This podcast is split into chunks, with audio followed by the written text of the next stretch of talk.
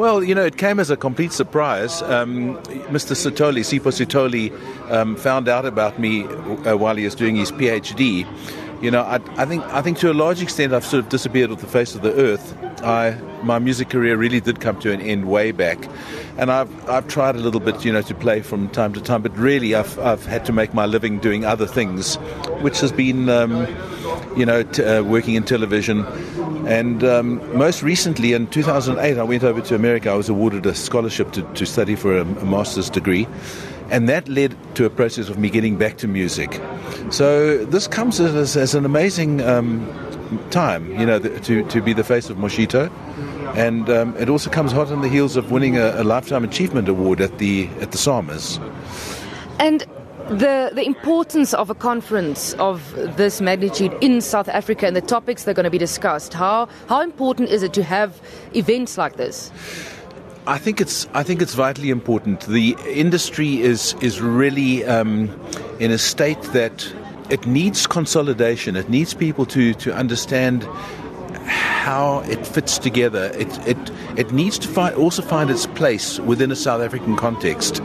Um, I think there's been a lot of confusion. There's been a lot of, um, you know, I'm not really want to talk about that. Let me just say that at the outset because I'm, I'm, I'm a, a guy now in my 60s that, you know, doesn't have these big aspirations as a musician. I was there, but I do think that, that conferences like this really help to consolidate the ground, you know, beneath the industry and to create an industry and to and to help to move it forward in a positive and and meaningful way.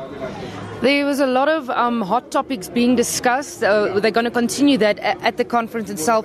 But when you look back at the years that um, that music was silenced, like like your music, and when you look at what's happening in 2016, music in South Africa has it progressed? Oh my goodness! Yeah, it's a completely different world. You know, uh, um, you know, just the, the, technology is a is a completely different world. Also, bear in mind that when I was a, a young a young guy, I mean, there was no chance of getting anything played on the radio.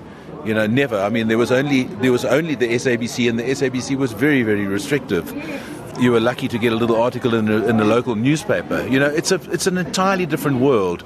And certainly, if you spoke out against the state at the time, let, let me put it like this: you wouldn't be heard on popular media. But underneath the surface, there was a very very active underground. There was um, there were lots of um, little venues where people could play. And you know, I, I traveled. I used to travel the country with my acoustic guitar, singing, playing to people all over the place. And and while I wasn't playing on the radio, my voice was very much heard out there. So, but it was just an entirely different um, scenario. Earlier, you mentioned that your career was ended. You were silenced by the government at that time. When you look back, do you ever wonder what could have been? Ah, not really. I don't think that there's much um, point, and I don't think there's much that can be gained from um, looking back. And I think that when one does look back, it's often out of bitterness. And I really have made a, a, a very, very conscious effort not to. Um, not to let uh, pain or bitterness from the past um, color my future. I, have seen it happen to other people, and I've seen them, you know, um, end up in a very, very bad state in their life, and I didn't really want that to happen to me. You were a very young musician when all of this happened. Uh, gruesome things that, that, that people have told and spoken about how your career was ended. Uh, I also had an interview with, with Deon Maas a, few weeks ago, and he especially um, spoke about you and, and when, what happened to your career. Uh, how long did it take you to move on, to be okay with it, move into television, making documentaries, and, and so on? Um, I think it, I think it, I think for a decade I was out of commission. Um, I, I, developed a, a drug problem, um, which I had to get over. I, my first marriage fell apart uh, when my daughter was still very very young. Um, there was um, I, I, couldn't get work. Um, life was life was very very difficult. I think for um, for, for, about for for, uh, uh, for, at least ten years, I was um, in a in a bad place. Um, I was also a man in my you know in my late twenties, going into my thirties, which is a vulnerable uh, time of life in any event. Um, and you know, for all those things to happen, it was just that's that's what it was. But by the time I, I got into my early forties, I started turning it all around. Um, you know, I went to I went to therapy. I started working on myself. I went and built a house in the mountains, which is um, the, the, subject of my of my, my recent book, which the, the book that I'm writing at the moment. It, it was a completely healing experience. You got back into music in 2008, but you released an album last year in 2015. Tell me about that experience of writing again, recording again, thinking about the days when you started this passion, music. Well, you know, I was. It, it, was a wonderful experience to be able to um, to uh, and and what what came out of my you know, my university um, my course was this ability to start thinking in a, in a different way, to start thinking a, a, a more deeply, more seriously, and writing songs that um, that really meant something to, to me, but also um, I think, quite effectively described the place that I occupy in the world. And that is in terms of my emotional life, my political life, um, you know, the, where I find myself in the world, which I think is really, you know, kind of the, a, a high objective of a poet. Um, and the process of, of, of, of put, getting those songs together and then going into a studio with a brilliant producer, Johnny Blundell, and a, and a clutch of absolutely amazing musicians was was a was a tremendous gift to me. Tell me about the feeling that you had getting back into the music industry. Was there a confidence problem, or tell me about that? Confidence. Oh boy, what a you know when you haven't played for so long.